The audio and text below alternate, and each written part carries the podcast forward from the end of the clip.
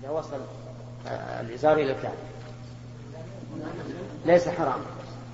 يعني ما كان بحذاء الكعب فليس بحرام. وما كان تحته فحرام. وما وصل إلى الأرض خيلاء فكبيرة من كبائر الذنوب. نعم.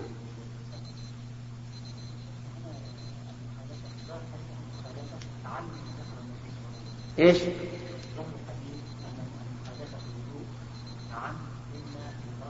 عن عن عن نعم. نعم. إيش إيش؟ بلى المسح. يعني كأنه أعقابهم ما ما يصلونها. يمسحونها مسحا. ولهذا جاء في, في ألفاظ أخر تلوح. أعقابنا تلوح يعني حتى الشهبة اللي فيها ما ما ذهبت شراف.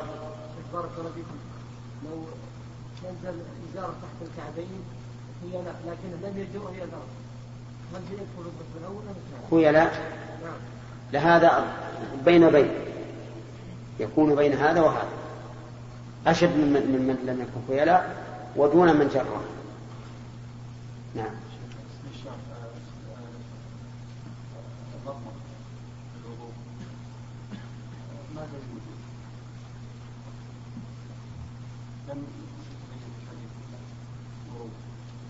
أولا في حديث في السنن إذا توضأت فمضمض ذكره الحافظ بن حجر في بلوغ المرأة والشيء الثاني ذكرت لكم من آخر وأنتم من أقول؟ قلت لكم إن الاستنشاق والمضمضة داخلان في الوجه. فيدخلان في عموم قولك اغسلوا وجوهكم يعني يقول الوجه هو ما يواجه الانسان والآن والفم ليس من الوجه. كيف؟ يعني لا لا. يعني داخل الانف وداخل الفم؟ صحيح. الواحد مو بهجمته ورافع راسه. يدخل يدخل اليوم. دليل على انه يدخل فعل الرسول عليه الصلاة والسلام. يدل لأن تفسير ذلك إذا كان بيانا لمجمل وكان المجمل واجبا صار واجبا نعم. باب المضمضة في الوضوء. قاله ابن عباس وعبد الله بن زيد رضي الله عنهم عن النبي صلى الله عليه وسلم حدثنا أبو اليمان قال أخبرنا شعيب عن الزهري قال أخبرني عطاء بن يزيد عن حمران مولى عثمان بن عفان أنه رأى عثمان دعا بوضوء بوضوء دعا بوضوء فأفرغ على يديه من إنائه فغسلهما ثلاث مرات ثم أدخل يمينه في الوضوء ثم تمضمض واستنشق واستنثر ثم غسل وجهه ثلاثا ويديه إلى المرفقين ثلاثا ثم مسح برأسه ثم غسل كل رجل ثلاثا ثم قال رأيت النبي صلى الله عليه وسلم يتوضأ نحو وضوئي هذا وقال من توضأ نحو وضوئي هذا ثم صلى ركعتين لا يحدث فيهما نفسه غفر الله له ما تقدم من ذنبه. هذا الحديث سبق الكلام عليه لكن هذا السياق أوفى من السياق السابق. وقوله غفر الله له ما تقدم من ذنبه ظاهره العموم حتى في الكبائر ولكن الصحيح أن الكبائر لا بد لها من توبة. ودليل هذا أن النبي صلى الله عليه وعلى آله وسلم قال الصلوات الخمس والجمعة إلى الجمعة ورمضان إلى رمضان مكفرات لما بينهن إذا اجتنبت الكبائر. وإذا كانت الصلوات الخمس والجمعة إلى الجمعة ورمضان إلى رمضان وهي من أركان الإسلام لا تكفر إلا باجتناب الكبائر فما دونها من باب أولى. وهذا هو رأي الجمهور.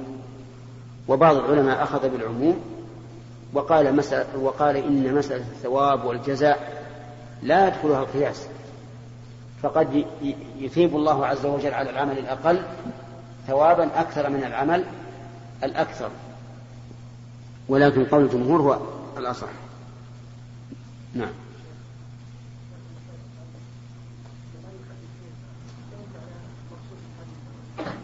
الهواتف إيه. لا الواحد ما حدث نفسه بالكلام. لو أن الإنسان حدث نفسه بكلام مسموع قال الناس إنه مجنون. لكن بكلام غير مسموع الإنسان من يوم يمشي من بيته إلى أن يصل المسجد وهو يحدث نفسه. ولا يزداد الحديث قوة ونشاطا إلا إذا دخل في الصلاة. أعوذ بالله من الشيطان الرجيم. إلا إذا دخل في الصلاة. نعم. وغلق لا لما قالت خلا البيض على الرأس.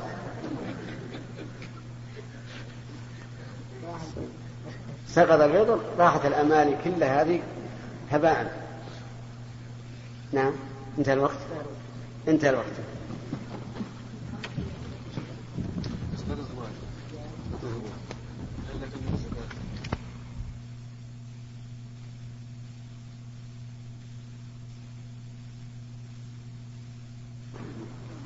اللهم رب هذه الدعوة التامة والصلاة القائمة.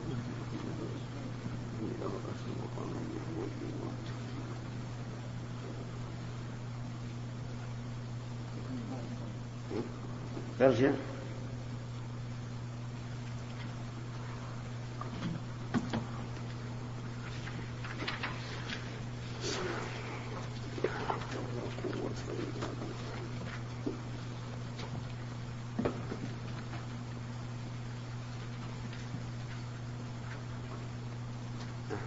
بسم الله الرحمن الرحيم. الحمد لله رب العالمين. وصلى الله وسلم وبارك على عبده ورسوله نبينا محمد وعلى آله وصحبه أجمعين. قال الإمام البخاري رحمه الله تعالى في كتاب الوضوء في كتاب الوضوء. باب غسل من صحيحه قال البخاري في صحيحه في كتاب الوضوء من صحيح. قال البخاري رحمه الله تعالى في كتاب الوضوء من صحيحه باب غسل الأعقاب وكان ابن سيرين يغسل موضع الخاتم إذا توضأ. حدثنا آدم بن أبي إياس قال حدثنا شعبة قال حدثنا محمد بن زياد قال سمعت أبا هريرة وكان يمر بنا والناس يتوضؤون من المطهرة. قال أسبغ الوضوء. فإن أبا القاسم صلى الله عليه وسلم قال ويل للأعقاب من النار.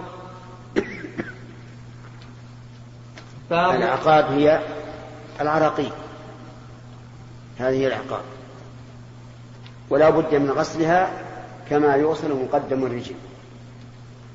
والويل قيل إنها كلمة وعيد وقيل إنه واد في جهنم. والأصح أنها كلمة وعيد. وقوله وكان ابن سيرين يغسل موضع الخاتم إذا توضأ تجل الشرح.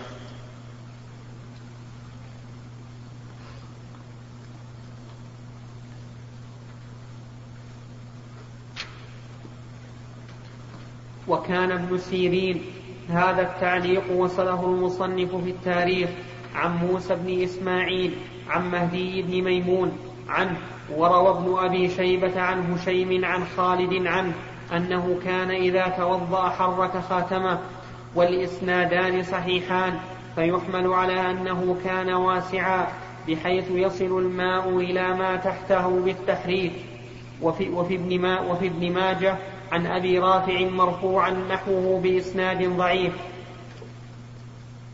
بس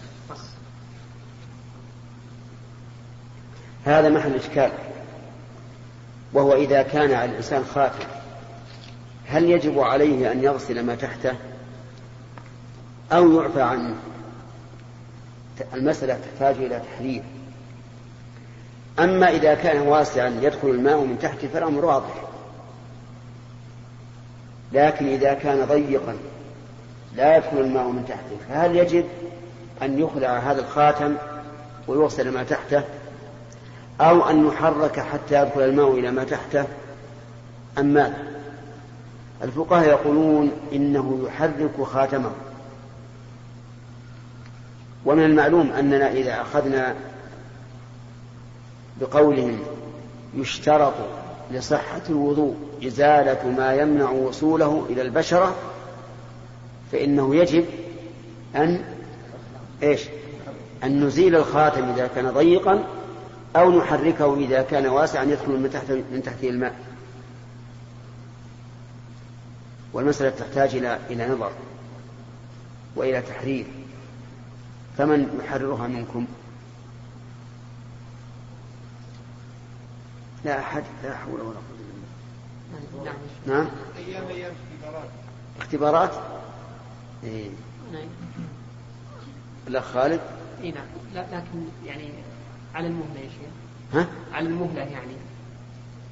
معنى أني أمهل إلى. إلى أجل إلى أجل غير مسمى. وأنا بحاول أنه يكون غدا إن شاء الله. طيب. حاول أجل لك إلى بعد غد. طيب هذه واحدة. الشيء الثاني إذا ثبت أنه لا يجب تحريك الخاتم وأن هذا مما يسامح به لأن الدواعي تتوافر على نقله ولم ينقل عن النبي صلى الله عليه وعلى آله وسلم أنه كان يحرك خاتمه أو أنه كان ينزعه إذا توضأ. فهل يلحق به سير السير الذي تربط به الساعة أو لا؟ الظاهر أنه لا يلحق به وأنه لا بد من فك الساعة ليوصل ما تحت السير. ووجه ذلك أن ما تحت سير الساعة جزء إيش؟ كبير. ليس كالخاتم. فلا يصح أن يلحق به.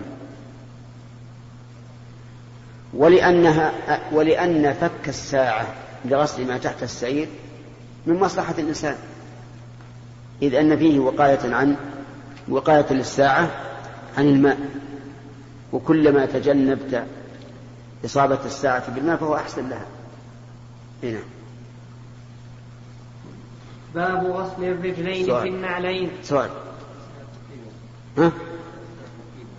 إيه. هذه أيضا مشكلة. يعني إنسان عليه تركيبة أسنان. هل نقول يجب أن يخلعها عند الوضوء أو لا يجب؟ نعم. الظاهر الظاهر أنه لا يجب لأن الفقهاء يقولون إن المضمضة يكفي فيها إدارة الماء أدنى إدارة. يعني مو لازم تستوعب كل الفم. فإذا كان كذلك فإنه لا يجب لأن هذا شيء يسير. لا سيما إذا كان سن أو أو سنان. أما نعم لو كان كل الحنك مركب فقد يقال إن هذا شيء كثير.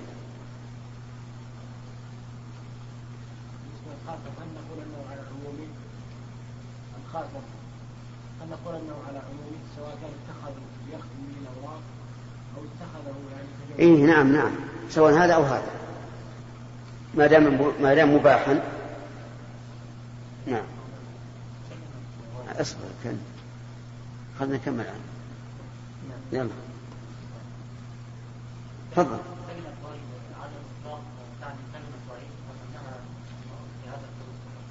لا في كل مكان. ويل لكل همزة لمزة ويل يومئذ ويل للمطففين ويل يومئذ للمكذبين كل في كل موضع باب غسل الرجلين. وفي هذا دليل وفي الحديث أيضا دليل على جواز الإخبار عن النبي صلى الله عليه وعلى آله وسلم بغير وصف الرسالة. كقوله إيش؟ لقوله فإن أبا القاسم صلى الله عليه وسلم. وأما في حال دعائه فإن الله تعالى يقول لا تجعلوا دعاء الرسول بينكم كدعاء بعضكم بعضا وهي على أحد التفسيرين تعني أنك لا تدعوه باسمه كما تدعو غيره. بل تقول يا نبي الله يا رسول الله. والمعنى الثاني للمفسرين أنكم لا تجعلوا دعاء الرسول إذا دعاكم كدعاء بعضكم بعضا بل يجب عليكم أن تجيبوا رسول الله صلى الله عليه وعلى آله وسلم إذا دعاكم. نعم. باب غسل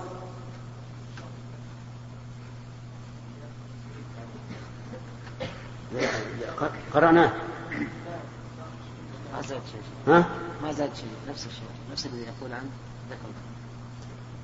زاد بيان الحكم؟ زاد بيان الحكم ولا بس استطراد؟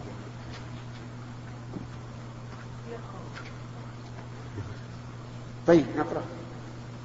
لعل فيه فائدة. نعم. في آخر الشرح.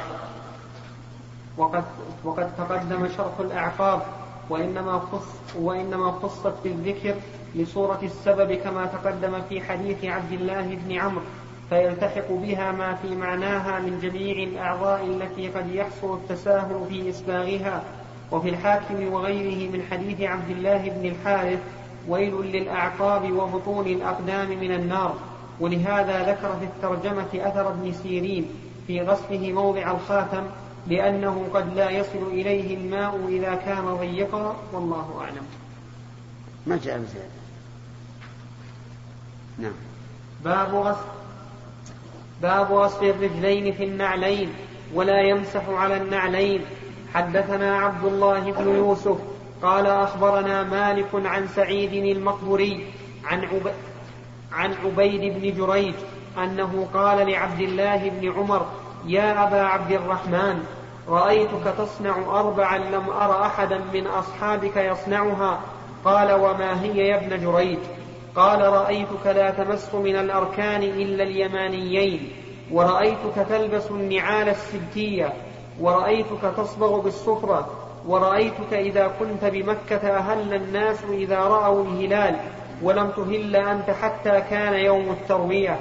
قال عبد الله أما الأركان فإني لم أر رسول الله صلى الله عليه وسلم يمس إلا اليمانيين.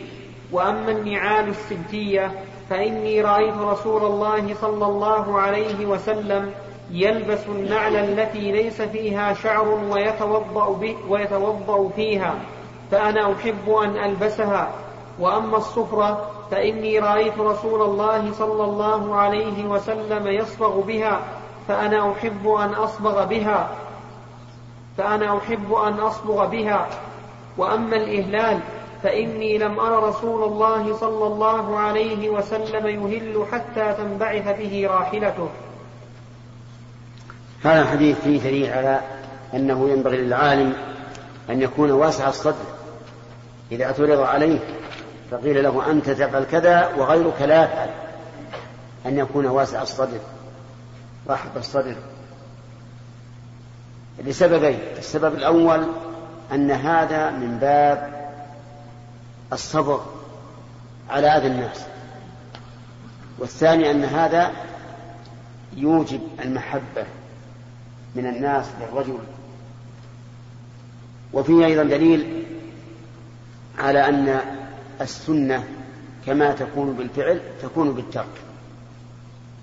لأن لأن ابن عمر رضي الله عنهما استدل على عدم مشروعية مسح الركنين الشامي والغربي بأن النبي صلى الله عليه وسلم لم إيش؟ لم يمسحهما. فقال رأي نعم. فقال لم أرى رسول الله رسول الله صلى الله عليه وسلم يمس إلا اليمانيين. الحجر الأسود والركن اليماني. وهذا كما قال ابن عباس لمعاوية. وقد كان معاوية رضي الله عنه يمسح الأركان الأربعة. فأنكر عليه ابن عباس. فقال معاوية إنه ليس شيء من البيت مهجورا. فقال ابن عباس لقد كان لكم في رسول الله صلى الله لقد كان لكم في رسول الله أسوة حسنة ولم أرى رسول الله صلى الله عليه وسلم يمسح إلا الركنين اليمانيين. قال صدقت. وكف. كف عن مسح. الركنين الشامي والغربي وفي هذا أيضا دليل. نعم فإن قال قائل ما الحكمة في أن الركنين الشامية والغربية لا لا يسن مسحهما فالجواب أن الحكمة في ذلك أنهما ليس على قواعد إبراهيم. وذلك أن قريش لما بنت الكعبة وقصرت بالنفقة بنوا هذا الجزء المعروف الآن وتركوا هذا بلا بناء وحوطوا عليه حائطا. ويسمى الحجر لأنه محجر ويسمى الحطيم لأنه حطم من من الكعبة. وتسميه العامة حجر إسماعيل وإسماعيل ما علم به ولا يدري عنه. نعم. لأن هذا ما كان في عهد قريش. أورد بعض الناس المتنطعين المتهو المتهوكين. قال لو أن رجلا صلى في الحجر وجعل ظهره إلى الكعبة ووجهه إلى جدار الحجر. هل تصح صلاته؟ نعم.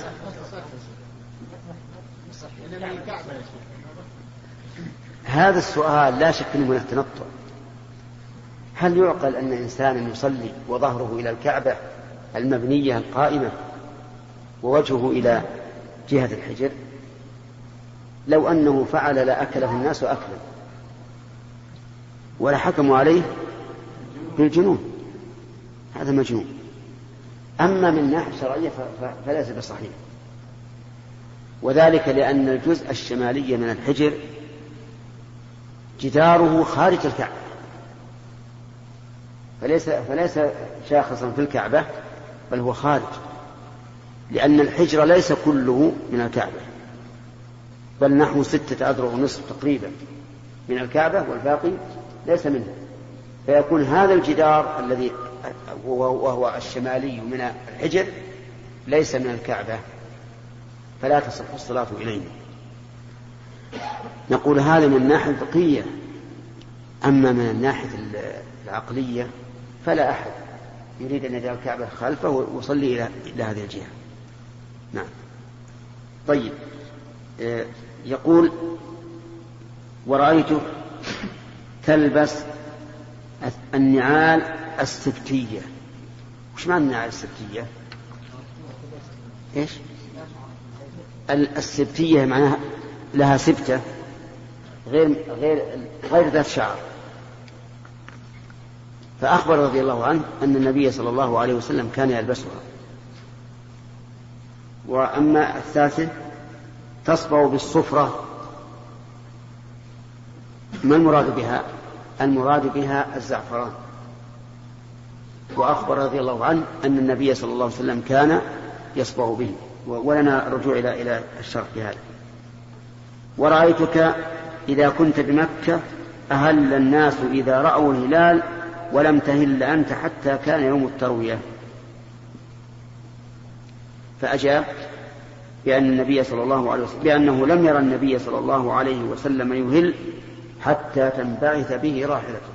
أي تقوم. وكان الناس يهلون إذا رأوا الهلال. ولكن عمل الناس غير صحيح. لأن الذين في مكة إذا أرادوا الإحرام بالحج متى يحرمون؟ يوم التروي هذا هو السنة. فما كان عليه ابن عمر فهو السنة بلا شك. اشرح لنا هذه سيأتي في اللباس. طيب. تجيب إن شاء الله الجلد اللي وافق اللباس. طيب. نعم. كلها الصبغة والسبتية أيضا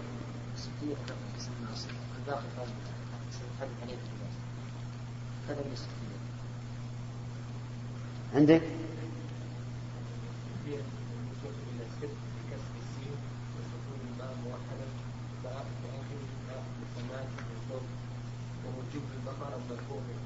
وقال الضمان كل مطبوخ وزيد وقال ابن زيد وهي هي ست. هي ست مدبوغة وغير مدبوغة وقيل السبتية التي لا شعر عليها وقيل التي عليها شعر. أجل. بس على شعر. المحكم خص خص بعضهم به جلود البقر خص خص بعضهم به جلود البقر مطبوعة أو غير مطبوعة.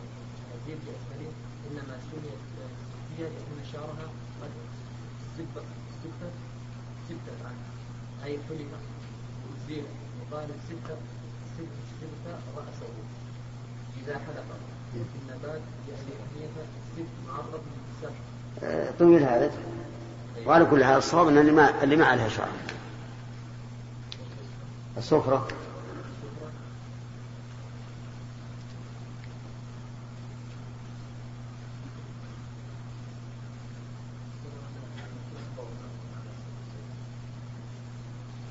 ورأيتك تصبغ بالسفرة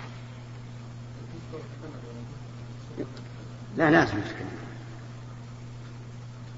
شوف كلامه على التصبغ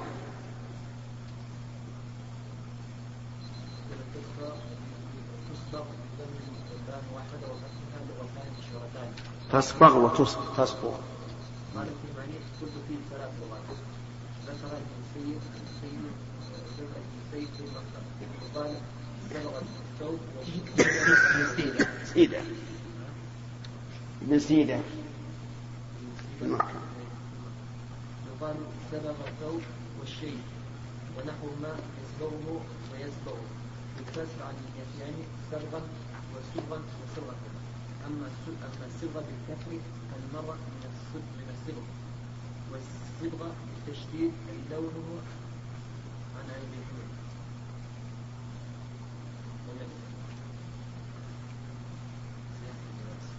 طيب. نعم. قلنا بأن الصواب داخل الجوف الكعبة لا يحتاج إلى شخص نعم. يحتاج إلى شخص بعدم كيف تقول؟ نقول لا. إذا قلت قلنا لا. وإذا وضع شخص الشاخص الجدار ولو بقى لو وضع شخص الآن الكعبة إذا صرت بوسطها أمامك جدار إذا كان في الحضيض نعم. وطلق جهة الشام نعم. ووضع شخص اي نعم. ما يصح. الكعبة هو أمام شخص. لا شخص منفصل. لابد من جدار كعبة. أي نعم. أو خشب مثل يبنى كم متصل. نعم. تكلم بأبي القاسم نعم. تكلم بأبي القاسم. مر علينا في في, في الأسماء. في البخاري نفسه. مر علينا وأن أكثر العلماء أو كثير من العلماء يقول هذا في حياته. نعم. خالد. بعض الاحاديث ان ان لحيه النبي صلى الله عليه وسلم كانت سوداء فيها شعرات يسيره بيضاء فكيف يصبغ النبي صلى الله عليه وسلم ولحيته سوداء؟ والله وهذا هو اللي أوجب أننا نبحث عن هذا. لأنه قد يكون الصبغة في غير في غير اللحية. وإلا فإن أنس بن مالك قال إن النبي صلى الله عليه وسلم لم يصبغ. ليس له ليس فيه إلا شعرات يسيرة. وأن ما ورد في بعض الصبغ في بعض الروايات أنه صبغ فقال بعض العلماء إن النبي صلى الله عليه وسلم كان يكثر الطيب. وتغير شعره من ذلك أو رآه من من رآه وهو قد تطيب آنفا فظنه يصبغ نعم. شيخ هو بارك الله فيك؟ الصارف عن أمر النبي صلى الله عليه وسلم باصباغ اللحيه وال- ونهيه عن تشبه المشركين نعم. يعني صار عن الوجوب الظاهر ما في صرف إلا, إلا أنه قول الجمهور فقط. نعم. نعم.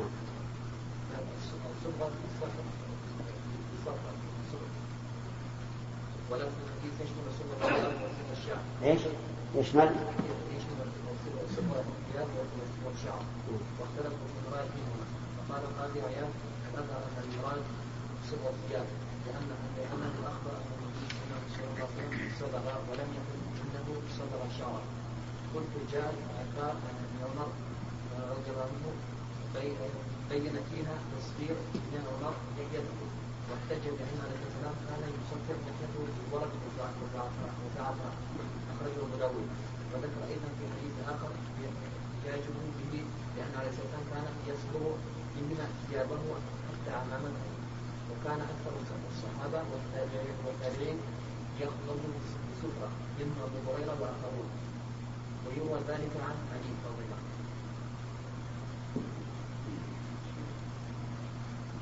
عنه. انتهى الوقت. ها؟ دقيقة. إيه، طيب. نعم. اي نعم. هذا ما تكلمنا عليه. ما تكلمنا عليه. يقول مؤلف البخاري رحمه الله باب غسل الرجلين في النعلين ولا يمسح على النعلين. يعني أنه يجب أن يغسل النعلين آه الرجلين ولو كانا في النعلين. ولكن هل يلزم أن يخرجهما أو يجوز أن يغسلهما في النعلين؟ الظاهر الثاني إذا كان الماء يصل إلى ما تحت السيور. وأما إذا كان لا يصل فلا بد من الخلع وذهب بعض العلماء إلى أنه يغسل يغسل إلى أنه يمسح النعلين. وذهب بعض العلماء إلى أنه يمسح النعلين. وقيد بعضهم ذلك بما إذا كان يشق نزع نزعهما بناء على على أن العلة في المسح على الخفين هي مشقة النزع. فقال إذا إذا شق عليه نزع النعلين جاز أن يمسح عليه. وسلك شيخ الإسلام رحمه الله طريقة غريبة. قال إن النعل إما أن تكون مستورة بالكفر أو لابسا عليها النعل أو مكشوفة فأما الأول فممسوحة بالاتفاق وأما الأخير فمغسولة بالاتفاق وأما الوسط فله الوسط وهو الرش. يرشها بالماء دون أن يخرج الرجل من القدم من النعل فيغسلها. يكفي أن يرشها. وقال إن هذا تجتمع به الأحاديث وأن الأحاديث الواردة في مسح النعلين هو أن الرسول رشها ثم قال هكذا بيده حتى يدخل الماء من بين السيور و والأحاديث الدالة على الغسل يراد به الرش. وهذا مسلك جيد. هذا المسلك مسلك جيد. لكن الاحتياط أن يخلع عليه وأن يصل رجليه. بعموم ويل للأعقاب من النار. والبخاري رحمه الله جزم بأنه لا يمسح على النعلين يعني ترش يا شيخ النعلين انشق نزع نعم. انشق نزعهما رشهما رشا. كيف؟ أقول انشق النزع نزع النعلين ترشهما رشا على قول شيخ الإسلام؟ إي نعم هو ذكر ثلاث حالات. وفي وفي حالة له قول آخر أنه إذا شق النزع مسح. وقال إن مشقة النزع هو أن لا يستطيع خلعها إلا بيده أو بمساعدة الرجل الأخرى. هل يصلي بالنعلين؟ إي نعم. عليه. السنة هنا ولا يخلعه ولا يخلع. هذا هو السنة ولكن نظرا إلى أن الناس تهاونوا في هذا الأمر وإلى أن المساجد مفروشة الآن. نرى أنه لا, لا, لا حاجة إلى الصلاة فيهما لكن إذا كنت في البر أو كنت في بيتك وصليت فيهما أدركت السنة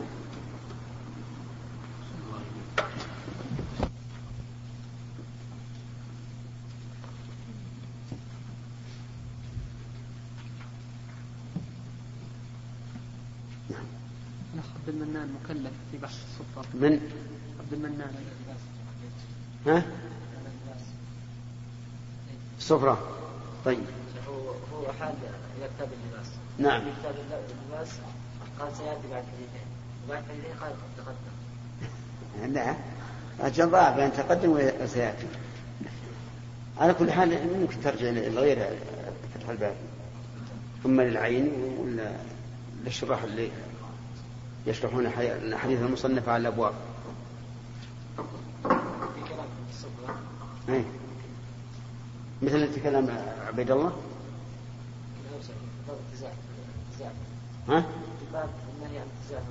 طيب. يقرأه. خالد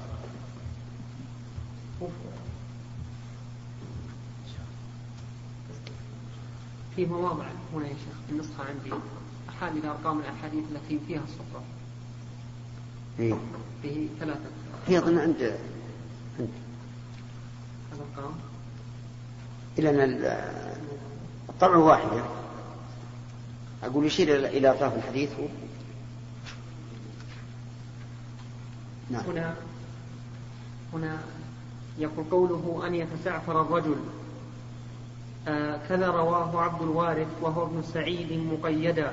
ووافقه إسماعيل بن عل- بن عل- بن علي وحماد بن زيد عند مسلم وأصحاب السنن.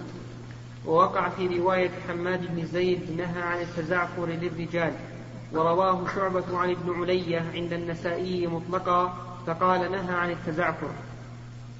وكأنه اختصره وإلا فقد رواه عن إسماعيل فوق العشرة من الحفاظ مقيدا بالرجل. ويحتمل أن يكون إسماعيل اختصره لما حدث به شعبة والمطلق محمول على المقيد. ورواية شعبة عن إسماعيل ورواية شعبة عن إسماعيل من رواية الأكابر عن الأصابع. واختلف في النهي عن في النهي عن التزعفر هل هو لرائحته لكونه من طيب النساء ولهذا جاء الزجر عن المخلوق أو للونه فيلتحق به كل صفرة. وقد نقل البيهقي عن الشافعي أنه قال أنهى الرجل الحلال بكل حال أن يتزعفر وآ- وآمر وآمره إذا تزعفر أن يغسله. قال وأرخص في المعصفى إيش؟ قال وأرخص في المعصفى معصفر. المعصفى عندي. معصفر.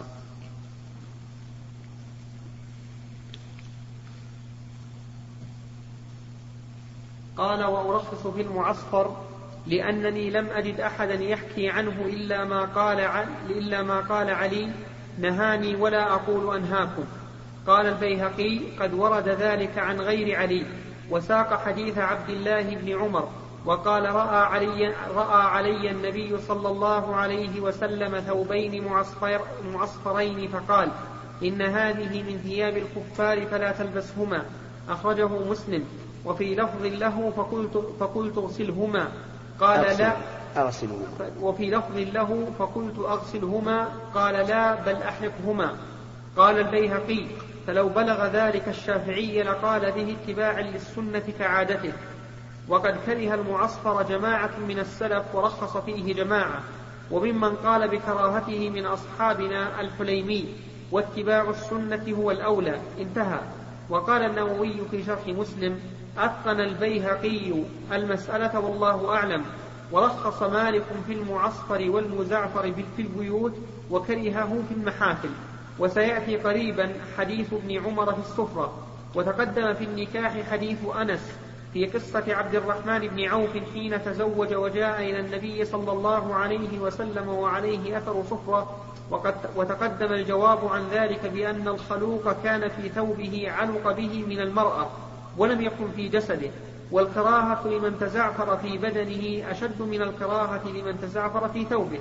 وقد أخرج أبو داود والترمذي في الشمائل والنسائي في الكبرى من طريق سلم العلوي عن أنس دخل رجل على النبي صلى الله عليه وسلم وعليه أثر صفرة فكره ذلك وقل ما كان يواجه أحدا بشيء يكرهه.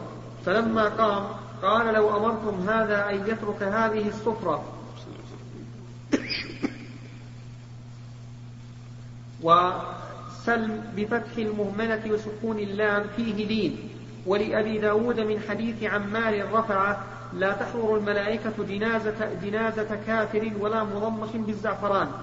وأخرج أيضا من حديث عمار قال قدمت على أهلي ليلا وقد تشقق وقد تشققت يداي فخلقوني بزعفران. فسلمت على النبي صلى الله عليه وسلم فلم يرحب بي وقال اذهب فاغسل عنك هذا. ثم قال وقوله باب الثوب المزعفر. أقرأه. طيب. قوله باب الثوب المزعفر. ذكر فيه حديث ابن عمر نهى النبي صلى الله عليه وسلم أن يلب أن يلب أن يلب أن يلبس المحرم ثوب أن يلبس المحرم ثوبا مصبوغا بورس أو زعفران كذا أورده مختصرا وقد تقدم مطولا مشروحا في كتاب الحج وقد أخذ من التقييد بالمحرم جواز لبس الثوب المزعفر للحلال. قال ابن بطال أجاز مالك وجماعة لباس الثوب المزعفر للحلال. وقالوا إنما وقع النهي عنه للمحرم خاصة وحمله الشافعي والكوفيون والكوفيون على المحرم وغير المحرم وحديث ابن عمر الآتي في باب النعال السبكية يدل على الجواز فإن فيه أن النبي صلى الله عليه وسلم كان يصفغ بالصفرة. وأخرج الحاكم من حديث عبد الله بن جعفر قال رأيت, رأيت رسول الله صلى الله عليه وسلم وعليه ثوبان مصفوغان بالزعفران وفي سنده عبد الله بن مصعب الزبيري وفيه ضعف. وأخرج الطبراني تراجعت النهاية الستية. نعم. وأخرج الطبراني من حديث أم سلمة أن رسول الله صلى الله عليه وسلم صبغ إزاره ورداءه بزعفران وفيه راو مجهول. ومن المستغرب قول ابن العربي لم يرد في الثوب الأصفر حديث وقد ورد فيه عدة أحاديث أحاديث كما ترى. قال المهلب الصفرة أبهج الألوان إلى النفس وقد أشار إلى ذلك ابن عباس في قوله صفراء فاقع, صفراء فاقع لونها تسر الناظرين. نعم. هنا. طيب. قوله رأيتك تصنع أربعة فذكرها وأما الصبغ بالصفرة فتقدم في باب التزعفر ووقع في رواية نعم. ها؟ قصة اللي قرأ الأخ نعم. أقول تقدم قوله تقدم في التزعفر هذا اللي قرأ هذا اللي قرأ. نعم. نعم؟ نعم. لكن أنا يا شيخ عندي هنا يمكن الأخوان ما عندهم. النسخة هذه يحيل إلى الحديث في عدة مواضع. وهنا في فتح الباري ما أشار إليه. إيه لأنه, لأنه في فتح الباري يشير بالأول. أول ما يجي الطبعة هذه اللي عليه تعليق الشيخ عبد العزيز. إيه. هذه يذكره أول ما يأتي في أول موضع. في أول موضع. يقول أطرافه في كذا وكذا. الطبعة الأخيرة اللي فيها المتن فقط. يذكرها أول ما يمر ثم يشير إليها أيضا كلما جاء كلما تكرر. خير إن شاء الله. على كل حال الآن فهمنا أن الزعفر أن الصفرة هذه في الثياب في الزعفران أو في في العصر. وفقهاؤنا رحمهم الله يقولون يكره لباس المزعفر والمعصفر في غير الإحرام. أما في الإحرام فلا بأس به إلا المزعفر فلا لأنه يحمل طيبا. وقد نهى النبي صلى الله عليه وسلم عن أن نلبس ثوبا مسه الزعفران أو الورس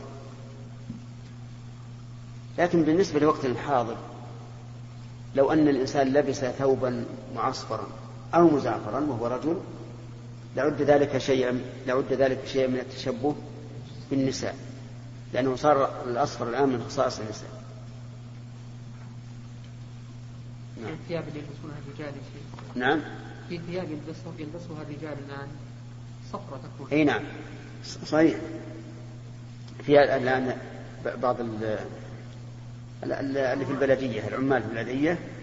إي نعم. لا غير عمال البلدية. غيرهم؟ غير يعني ها؟ أقمشة للرجال؟ ها؟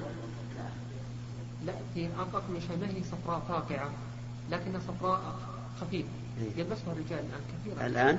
الحمد لله. المهم على كل حال إذا كان خاصا بالنساء فهو من باب التشبه. إذا كان ليس خاصا فهو جائز. نعم.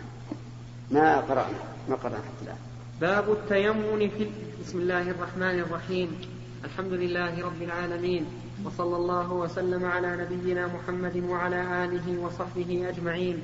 قال الإمام البخاري رحمه الله تعالى في كتاب الوضوء في في كتاب الوضوء من صحيحه باب التيمم في الوضوء والغسل. حدثنا مسدد قال حدثنا إسماعيل قال حدثنا خالد عن حفصة بنت سيرين عن أم عطية قالت قال النبي صلى الله عليه وسلم لهن في غسل ابنته ابدأن بميامنها ومواضع الوضوء منها. أم عطية رضي الله عنها كانت ممن يغسل الموت من النساء. وكان لها دور كثير في مواطن كثيرة من السنة. قال النبي عليه الصلاة, والسلام ابدأنا بميامنها هذا الشاهد. ومواضع الوضوء منها يعني الأعضاء الأربعة. ولهذا قال العلماء ينبغي في تغسيل الميت أن يبدأ أولا بغسل الفرج. وتنظيفه. ثم بعد ذلك يوضأ وضوءا كاملا إلا أنه لا يدخل الماء فمه وأنفه لأنه إذا دخل إلى فمه وأنفه ثم إلى بطنه فربما يحرك ساكنا. وتعلمون أن الإنسان الميت أحسن الله لنا ولكم خاتمة ليس عنده شيء يمكنه أن يمسك الأشياء فينزل الماء ثم يخرج مع مع الخروج.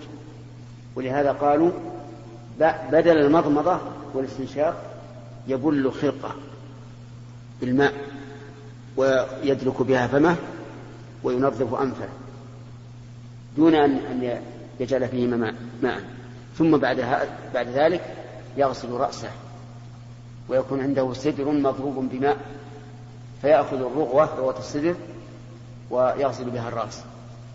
ثم يغسل ببقية السدر بدن الميت لكن يقول ابدأنا بما يمينها وعلى هذا فيبدأ عند غسل جميع البدن يبدأ